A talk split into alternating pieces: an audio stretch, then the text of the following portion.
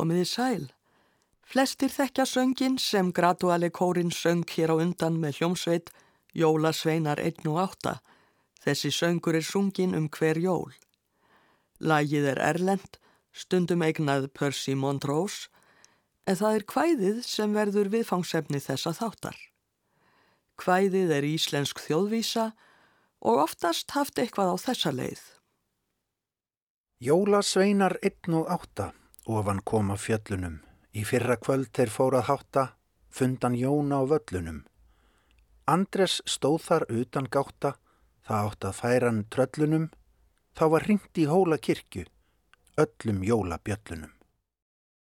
Eldri gerða á kvæðinu má finna í þjóðsögum Jóns Árnasonar sem útkomu árið 1862. Jólasveinar 1 og 8 ofan komu af fjöllunum. Í fyrra kvöld þá fór ég að hátta, þeir fundan Jóna á völlunum. En Andri stóð þar utan gáta, þeir ætluð að færa hann tröllunum, en hann byttist af þeim sáta, óhýrustu körlunum. Og þá var ringt öllum jólabjöllunum. Helsti munurinn á gerðunum tveimur er sá að í eldri gerðinni stendur en hann byttist af þeim sáta óhýrustu körlunum og þar er ekki heldur minnst neitt á hólakirkju að einn stendur Þá var ringt öllum jólabjöllunum. Báðar gerðirnar eiga það sameinlegt að jólasveinarnir eru 1 og 8, þeir finna Jón á völlunum og Andrið stóð þar utan gáta þeir ætluð að færa hann tröllunum. Jólabjöllurnar virðast bjarga Andresi frá þessum örlögum. En hverjir eru þessir Andrés og Jón á völlunum? Menn hafa oft velt því fyrir sér og hefur jafnan orðið fátum sör og til að flækja málinn enn frekar stendur í sumum gerðum kvæðisins Ísleif hittu þeir utan gáta. Árni Björnsson, þjóðháttafræðingur, sem mikið hefur rannsakað jól og jólahefðir, kemur með eina tilgátu um Andrés í svari á Vísinda VF Háskólans árið 2007. Hvort jólasveinarnir 1 og 8 hittu Andrés eða Ísleif utan gáta er ógerningur að skera úrum. Þessar tvær gerðir tölunar eru álíka gamlar. Óneitanlega má þykja við hæfi að hugsa til Andresar postula en Andreas Messa, 30. november, var víðaláttinn marka upphaf jóla föstu. Nýlega gerði hins vegar Laura Magnúsardóttir, sakfræðingur, uppgötun sem hugsanlega skýrir hverjir Andrés og Jón á völlunum eru og líka hvers vegna jólasveinarnir eru einn og átta. Lára hefur skrifað um þetta grein í tímaritið Andvara og ég tók við hana viðtal sem flutt verður hér í þættinum, auk þess sem við fáum að heyra mismunandi lög við hvæðið Jólasveinar 1 og 8. Í greinsinni bendir Lára á það að margt sé líkt með vísunni og kabla úr brefi sem sendt var til Íslands frá Björgvin í Noregi árið 1283. Það var Loftur Helgason ráðsmaður í Skálholti sem stattur var í Björgvin og skrifaði brefið árna Þorláksinni Skálholtsbiskupi. Þar segir Margir harðir hlutir hafa í Noregi gjörst milli kongs og erkibiskups og annara lærðra manna. Herra Andreas Plittur, grafin í banni erkibiskups í Postulakirkju og brotinn stöpullin að Kristskirkju af herra Bjarnakansler til að ringja móti líkinu og svo var ringt um allan bæin í banni kennimanna.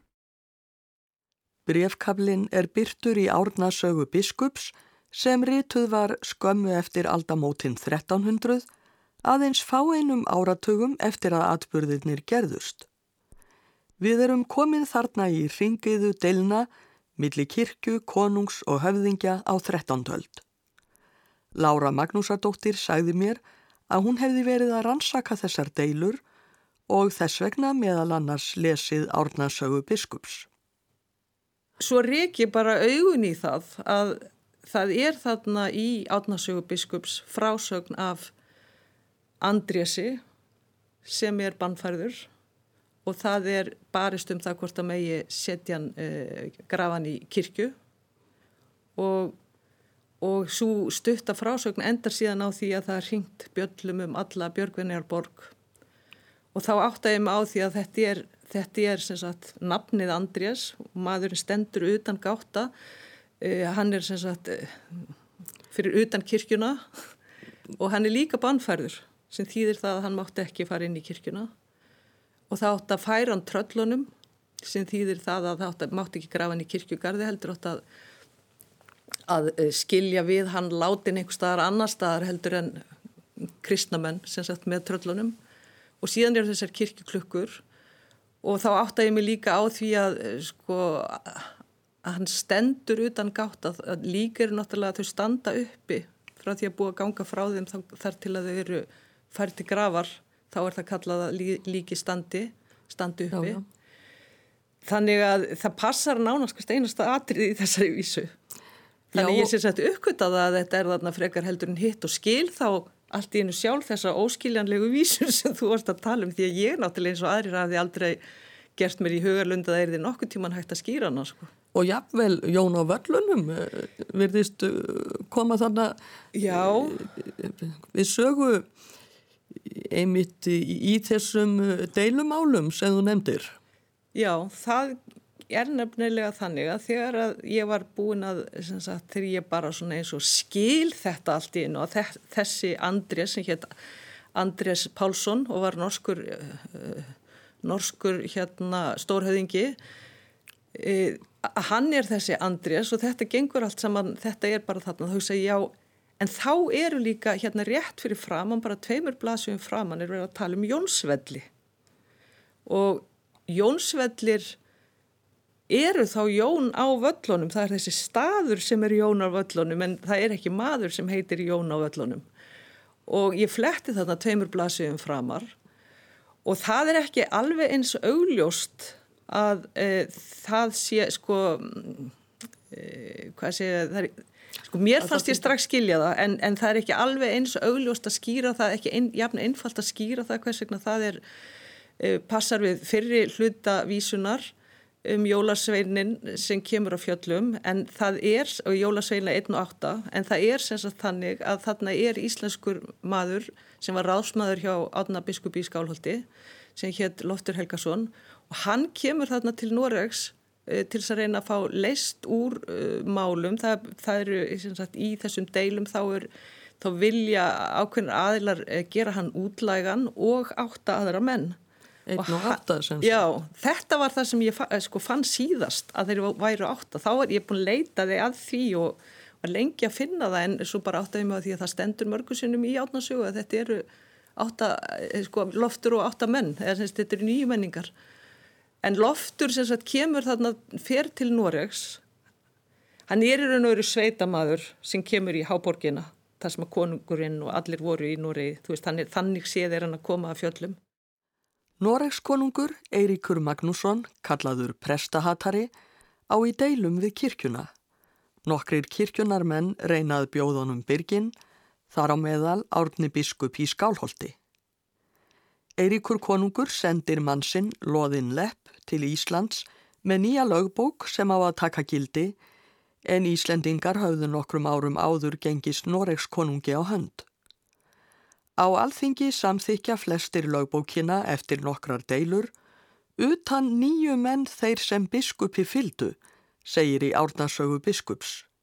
Þessir nýju menn eru síðan taldir upp. Var fyrstur af þeim Artgrímur Teitsson, annar Snorri úr Ásum, Ormur frá Reyni, Ásleifur Klangsson, Eilífur Són Össurar frá Hortni, Sigfús Stoppi, Magnús Pétursson og Loftur Helgason. Hér eru reyndar aðeins taldir upp áttamenn og hlítur að vanta eitt nafnið því búið er að taka skýrt fram að mennirnir hafi verið nýju. Lóðinn kallar menn þessa landráðamenn og það er meðal annars þess vegna sem eitt þeirra, Loftur Helgason, fer til Noregs. Hann ætlar að tala máli þeirra nýmenninga og biskups við konung og fer með bref frá árna til konungsins. Svo segir í árnasögu biskups. Það skip sem loftur var á tók Noreg og kom hann um haustið til Björgvinnar og var í bræðra gardi um veturinn. Ei kom hann fyrir fram brefið því sem hann fór með en nær veturnóttum á Jónsvöllum. Ekki gata hann við kong talað annað en heilsað á hann, því að hún var bannað að koma á kongskarð. Þó var hann í minni strikju með hirðmönnum en var þó utan brautar og stóð undir heitum og yllirðum. Þarna er sem sé Jón á völlunum komin. Það er á Jónsvöllum sem loftur getur loksins komið brefinu til skila.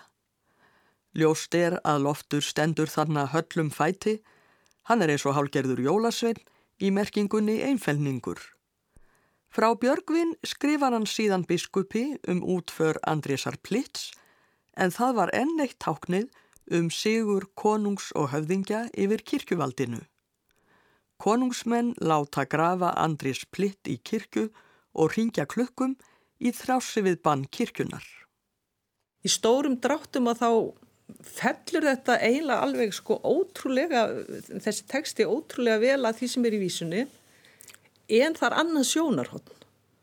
Því að átnasaga í henni er sagt frá þessum atbörðum öllum frá mjög, mjög ákveðið frá sjónarhóli Já, biskups, biskups og, og lofts og, og lofts og kirkjunar og kirkjuvaldsins en vondukallarnir eru þar hinnir sem já, að vilja höfðingjarnir sem standa mót þessu. Þeir sem ekki hlýða kirkjunni. Já, en, en mér finnst alveg augljóst að, að hitt er sko að vísan er úr, úr hinnu sjónarhóttin. Þar er verið að hæðast að kirkjunni, e, að vera að hæðast að lofti og biskupi og, og, og, og fagna sigri sko í jarðaför Andrésar Pálssonar Plitts að hann fekk, sérst, þeir höfðu betur. Já, hann var ekki færður tröllunum. Hann var ekki færður tröllunum, nei. Mm. Og þá var bjöllunum hringt. Já, kirkjuklukkurnar björguðu honum. Eða þeim hringt til að fagna því, sko. Já. Það er svona eins og siguróp kannski. Áður en við höldum lengra skulum við heyra hljóðritun sem varðveitt er hjá stofnun Árna Magnússonar en þar er hvæðið Jólasveinar 1 og 8 sungið við annað lag en við eigum að venjast.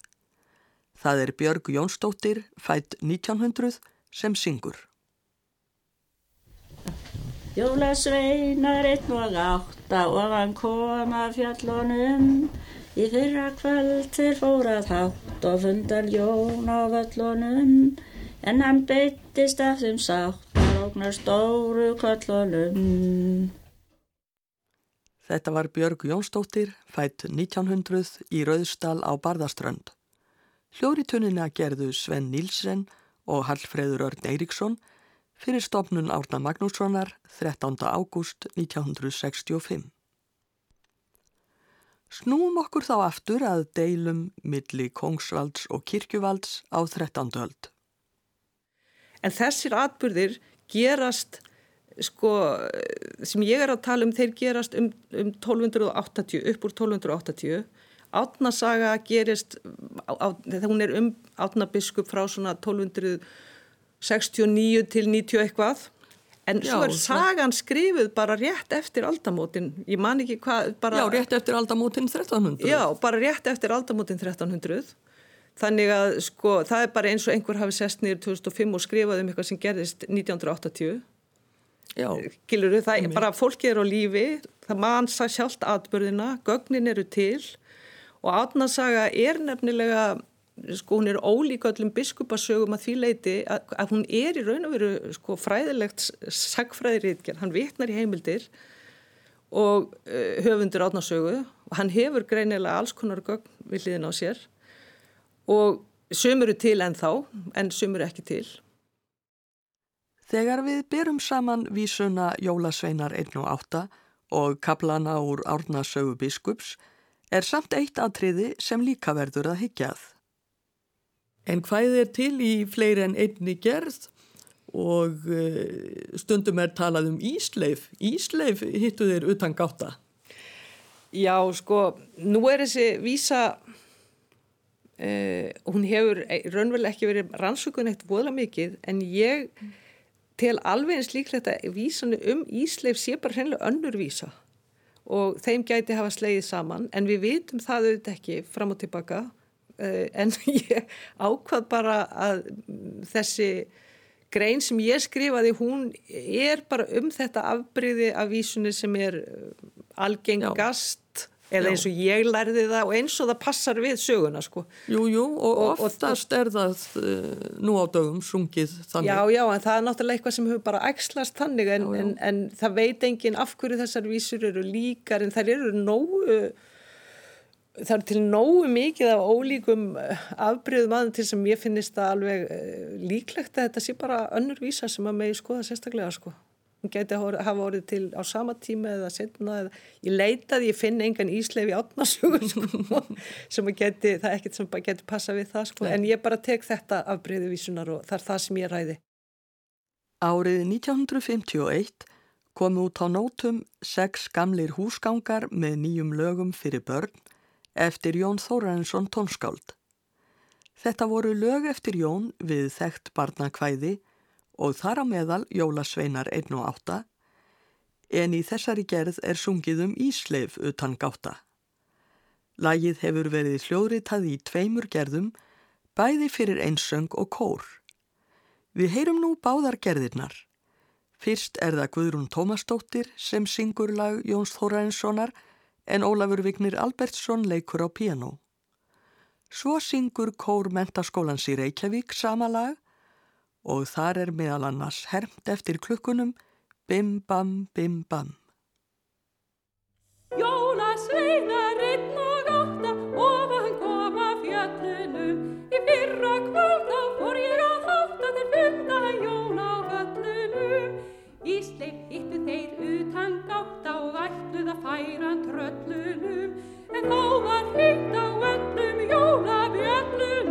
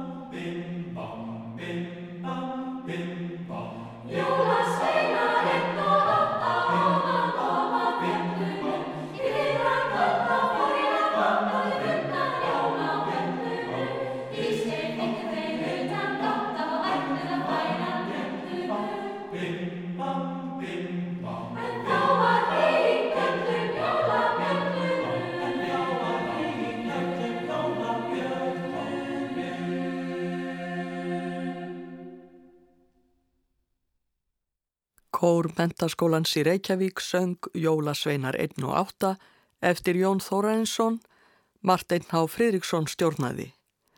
Þar á undan söng Guðrún Tómasdóttir sama lag og Ólafur Vignir Albertsson lék á piano í gerð fyrir einsöng og pianoleik.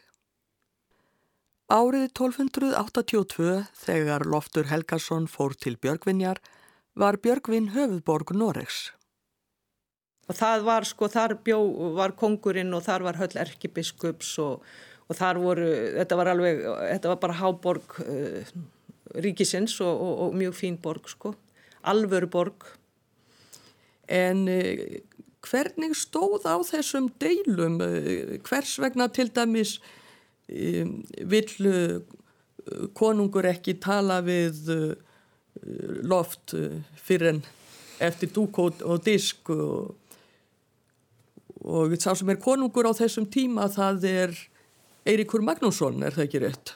Jú, Eirikur Magnússon kallar Eirikur prestahattari og fadir hans Eirikur, nei Magnús Lagabætir.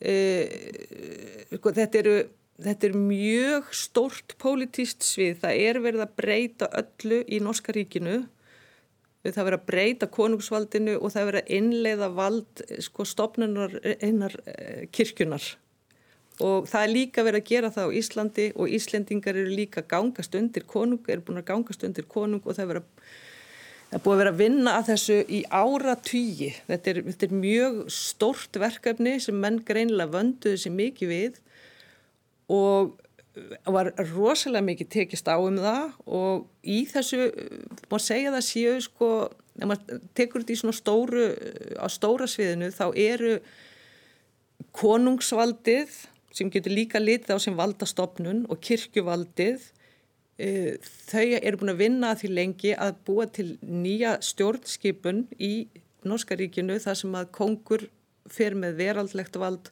og kirkja með andlegt vald. Og þau ætla að skipta þessu á millisín og það verður að setja þessi lög og það verður að gera það líka á Íslandi.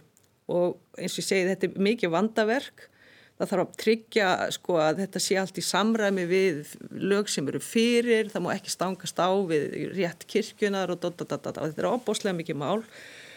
Og en þriðji, við erum búin að nefna hérna tvo sagt, aðila, kirkju og kong en þriðji aðilinn, hagsmuna aðil í þessu máli eru, eru sko, landegundur höfðingjar sem eru, sem voru valda eh, stjættin í í gamla kerfinu sem er verið að leggja niður og þeir eru mótfallnir því að kirkjan fái svona mikil völd vegna sem kirkjan átti að fá yfir á því yfir svo miklum landaregnum sem að þeir höfðu áður ráðið.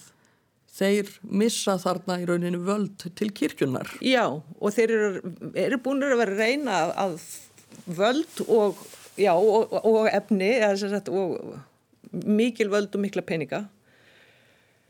Sérstaklega peninga sko. En en auðvitað sko er valdið skiptir svo, skilur þú verður að þessi stofnunu verður að geta framfyllt valdinu einhvern veginn. Og það sem kongurinn er, hann getur dæmt menn til útlegðar kirkjan getur bannfært á Íslandi var þetta hvortvekja nýjung, þetta hafði ekki verið hægt í grágás, ekki verið hægt á þjóðveldisöldinni en það verið innleiða þetta og þá er líka verið að takast um það á um það hvort að bannfæringin eða eða e, útlegðin sé sko sterkari ef að, ef að hagsmunir e, begja eru uppi. En það sem gerist er að þegar þetta er komið mjög langt þetta verk, það búið að setja kristin réttar á Íslandi þar að sé lögum kirkustofnununa 1275 það búið að setja lög um konungsvaldið í Noregi 1274, nýju lög Þannig að það eru andleg lög á Íslandi en veraldleg í Nóriði en þá eftir að setja konungslögin sem urðu Jónsbók á Íslandi og þá eftir að samþykja kristiréttin í Nóriði þegar Magnús konungur deyr. Já, og Magnús hafði unnið að þessum Magnús var búin að vera í þessu og pappi hans og undan honum Hákon þá þetta var búin að vera alveg síðan um miðja öldina. Og og þetta er skil, minn skilningur, það er kannski ekki allir með nákvæmlega þennan skilning en ég held að þetta sé aðalatrið og líkill að því að átta, var líkill að því að ég sá þetta með eh, svona í þessu ljósi sem ég geri. Og það vita það náttúrulega samt allir að, eh, sem að fylgja eða kynna sér þetta, þannig að deyr Magnús konungur og þá snýst þá tekst eh, hérna, hvað heitir það höfðingjunum í Nóri að ná uh, nýja konunginum Eiríki sem var 12 ára gammal á sitt vald, eða ekki vald á sitt band. sitt band og, og þar með eru hagsmunaraðilnir ekki lengur sko kirkja og kongur annars vegar og höfðingjar hins, hins vegar heldur eru þeir orðnir e, kongur og höfðingjar annars vegar og kirkja hins vegar. Já. og þetta eru náttúrulega alveg geysilega mikil viðsnúningur og þeir eru þarna algjörlega ell eftir stundu að reyna að koma í veg fyrir það að laugin samþykist eins og var búið á undirbúðu þannig þeir koma til Íslands til dæmis með Jóns bók sem var samþykt en hún var breytt. Já. og Átni biskup verður brjálaður Árni biskup vildi að sjálfsögðu hafa kirkjuvaldið sem mest og honum fylgdu Loftur Helgason og hinnir átta sem sagt hefur verið frá. Við skulum nú hlusta á enn eitt lag við hvæðið Jólasveinar 1 og 8. Árið 2002 var ég að sapna íslenskum leikjasöngvum og kom þá meðal annars á hjókrunarheimilið Grund og talaði við fólkið þar. Áttræð kona söng þá fyrir mig Jólasveinar 1 og 8 við óvenjulegt lag. Þegar ég aðtugaði málið betur kom í ljós að þetta var lag eftir Sigvalda Kaldalóns að vísu nokkuð afbakað. Lag Sigvalda kom út á nótum 1923 og hann endar það með hljómi kluknanna Glingling gló, glingling gló. Jólasveinar einn og átta og vann koma fjöllónum Í fyrra kvöld þeir fórað hátta fundan jón á völlónum, Ísleif hittu þeir utan gátta allu að færan tröllónum, en hann beittist af þeim sáttar og hýrustu köllónum, en þá var ringt öllum jólabjöllónum. Gling, gling, gló, gling, gling, gló. Það var kona fætt 1922 og alin upp í Reykjadal, sem söng Jólasveinar 1 og 8, lag eftir Sigvalda Kaldalóns en svo litið afbakað. Hljóðritunin var frá 2002. Eins og fram hefur komið var það allt annað en þægilegt fyrir Loft Helgarsson að vera fulltrúi Árna Biskups í Björgvin 1282. En þarna um haustið, um mitt bara þegar hann kemur, þá bara eru átökjun orðin svo hörði í Nóriði og höfðingjavaldi sem var komið þarna með eh, kongin á sitt band, þeir voru bara beinleginnist búin að rekja erkibiskupin og alla norsku biskupana úr landi uh, og eru, það hlakkar mjög í þeim, þeim finnst þeir hafa unnið þetta stríð sko og, þá, og það er engir, það eru, klausturinn starfa sennilega og eitthvað svolítið sem allir sem höfðu kirkju vald voru bara bara roknir, bara hlaupnir í burtu og búið að taka yfir, taka egnir þeirra og alls konar. Þeirra loftur mætir þarna.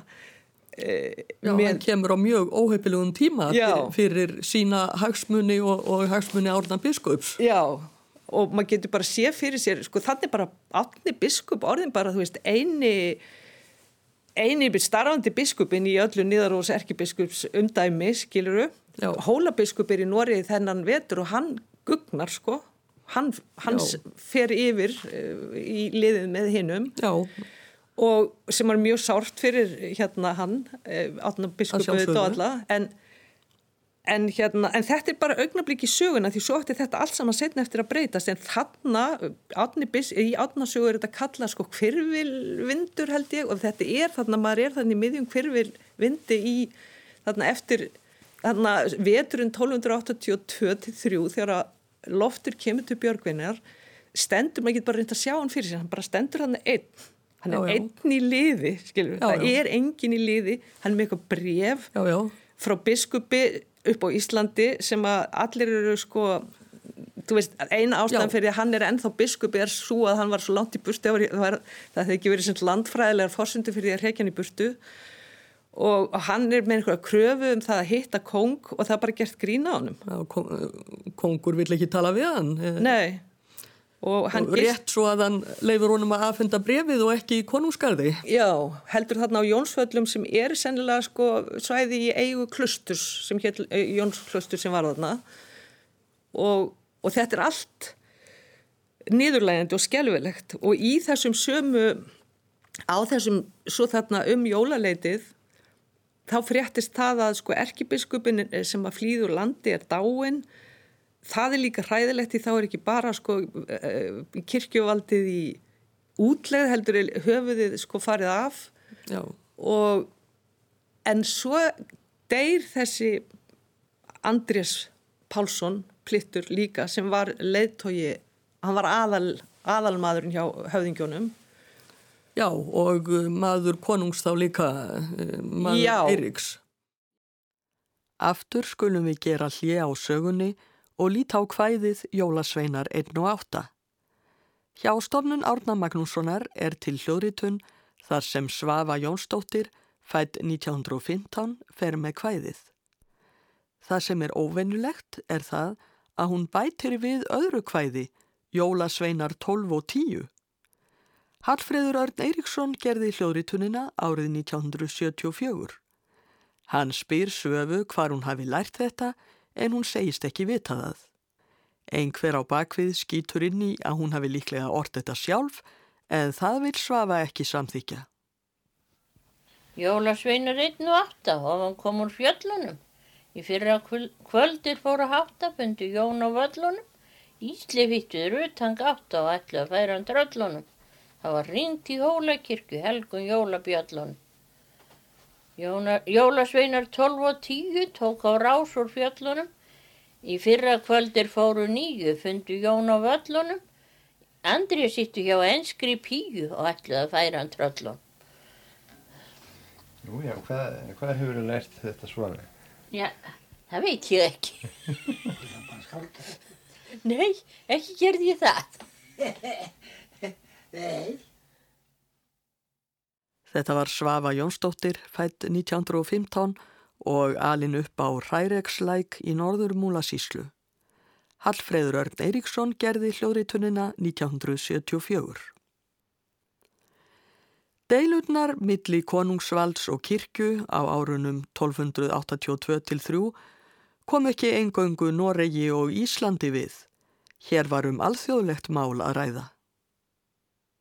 Norski konungurinn, Magnús Lagabætir, var búin að gera samning við kirkjuna og þá Já. meina ég Rómakirkju. Já ekkert bara einhverja biskupa skilur nei, nei. Og, og, og út frá þessum samningum eru, eru kristiréttirinn settur og allt þetta er gert svo þegar menn er að berjast gegn þessu þarna og eiginlega með leifi konungs og ekkit eiginlega, þetta já, bara, já. er líka bara hans kirkja og alls konar það verður til þess að Páfi skrifar konungi bref þannig Páfi sem er sem sagt yfirmaður kirkjunar já, já, kirk, allarar kirkjunar já, hann bara skrifa kongi bref og segir þetta gengur ekki við erum með samning. Og þú stiður þessa menn sem að hérna, og það gengur ekki. Þú leifir að þetta gerist í, í, í, í þinni kirkju og þú stiður þessa menn þegar að, og það nefnir sér satt, jarða fyrr Andrisar þannig ég bara svona e, svo þið bara sér satt mér finnst þetta líka skipta máli til að skilja hvað þetta er stórt mál. Já, já. og hvernig þú veist þetta litla og stóra það tengist náttúrulega alltaf vegna þess að Íslendingarnir sem voru hérna að rýfast, loftur og hvað er héttu kallað sem voru að rýfast hérna heima, þeir eru náttúrulega sko, uh, það stendur allt og fellur hjá þeim eftir hvernig lögin eru tólkuð og þeir eru að reyna að finna sér stað í þessu nýja umhverfi. Og þegar það er óörugt hvernig Eh, hvernig það er þá náttúrulega verða hlutirnir doldi floknir og erfiðir.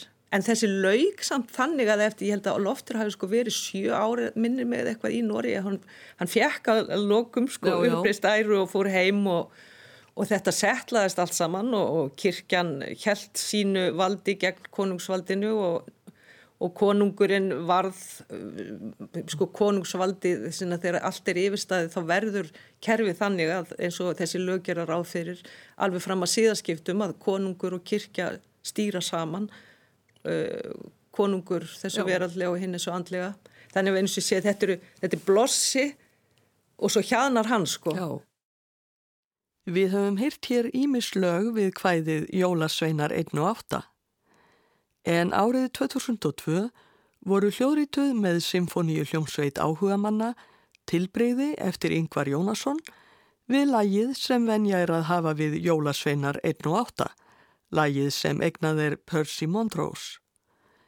Í upphafi verksins má heyra vindgnauð þegar Jólasveinarnir er á leiðinni til byggða, svo hljómar stefið í ýmsum myndum og í lokverksins heyrist kluknarhingingin.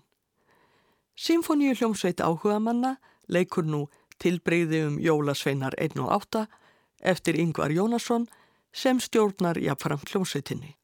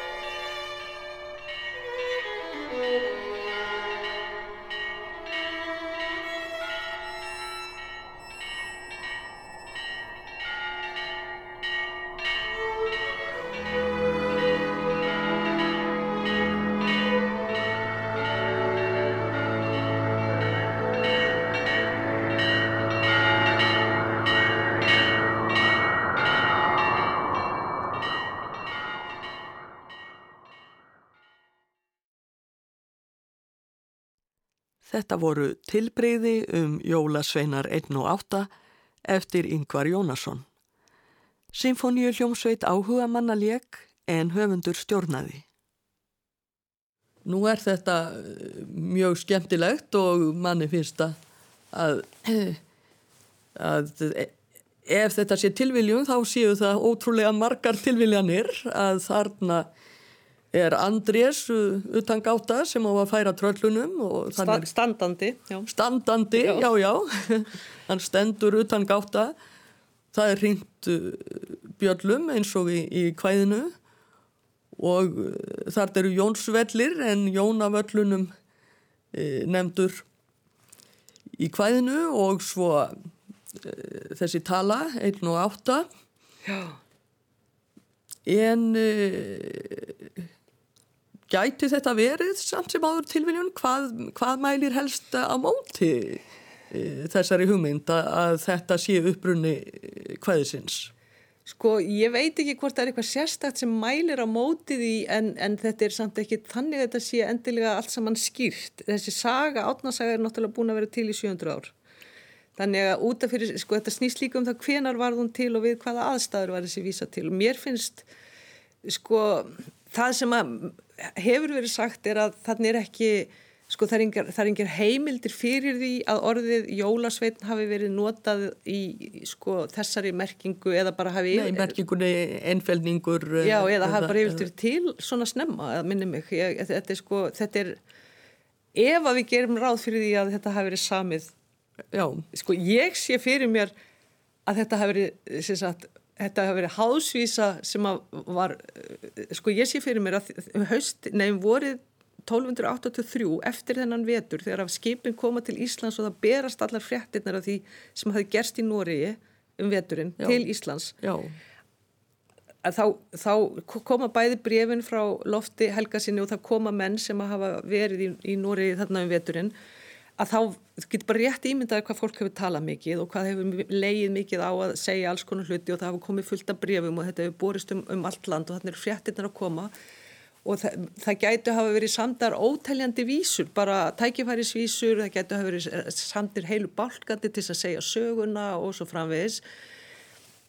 Þessar tvær vísur uh, gætu verið úr einhverjum bálki, það gætu hafa staðið tvær en það gætu líka hafa verið samdar einhver tíman löngu, löngu setni eins og ég segja því þessi, vísar, þessar, þessi saga búin að vera til í 700 ár. Það sem ég finnst ólíklegt að þetta sagt að það hefur verið gert er að sko það hefur enginn lifað sig inn í átnásögu heldur í mörg hundruð ár því að þessi saga Já. hún er um pólitísk átök sem hafa í raun og veru mjög miklu leiti misti tilfinningarlegt gildi sko þannig að en það sem að mælir sko þetta með sko ég reyni að sko ég ræði þetta aðeins í greinin með þetta orði jólasveitn en mér finnst flest benda til þess að sko orðið jólasveitn raunverulega í hvor, hvorri merkingunni sem er, hvort sem að það eru sko sinir grílu eða, eða einfeldningur eða kjáni, að þá er þetta orð sem að ratar ekkert sérstaklega mikið í rítar heimildir. Þetta er orð sem er notað í, á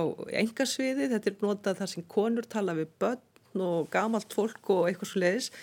Þannig að um, það flest sem bendir til þess að, sko, ég menna það er til heimild frá miðri átjóndu öld um svona notkun á orðinu sennilega að allavega það sem að jólasveitn er ekki svonur grílu í eintölu sko já, og svo, svo er sko næsta heimild 1958 já. en við vitum alveg að þetta orð var til í þessari merkingu.